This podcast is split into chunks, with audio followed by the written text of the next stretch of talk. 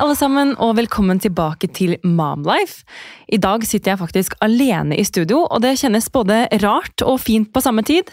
Jeg har i hvert fall kjøpt meg en smoothie og skal gjøre det beste ut av det i dag. Og tenker at dette her blir en liten sånn introepisode til nytt konsept. Eh, og jeg må egentlig starte da, med å si tusen takk for all feedback vi har fått etter den siste episoden. Det er så hyggelig å høre at dere har likt Maria og meg sammen i podden, og vi er veldig stolte over hva vi har bygget opp. Men nå er det på tide med en forandring, og endring det kan være bra. Du hører nå på Mamlife 2.0 med meg, trommevirvel, Marie.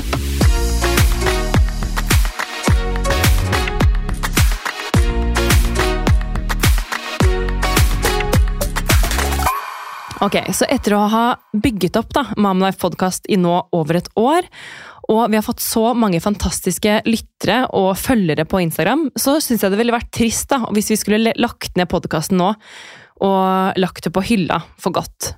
Og som det kjente ordtaket sier, så når en dør lukkes, så åpnes en ny.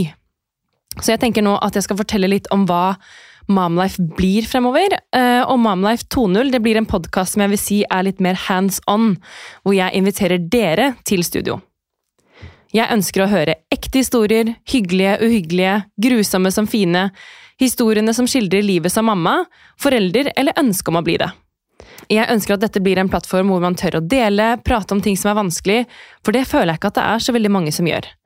Og det vil også bli fokus på kvinnehelse, og derfor trenger jeg all deres hjelp. Både med å finne personer som ønsker å prate, dele sine historier, prate om viktige saker som dere brenner for, og egentlig alt som kategoriseres under mammalivet. Alle har sin bagasje og sin historie. Podden vil bli en kombinasjon av at jeg inviterer folk til studio, folk jeg ønsker å bli kjent med, lyttere, fagpersoner og også venner og familie. Så vil du ta en prat med meg i studio, eller kjenner du noen som gjør det, skriv til meg på mamlifepodden at gmail.com eller DM på Insta. Jeg gleder meg til fortsettelsen.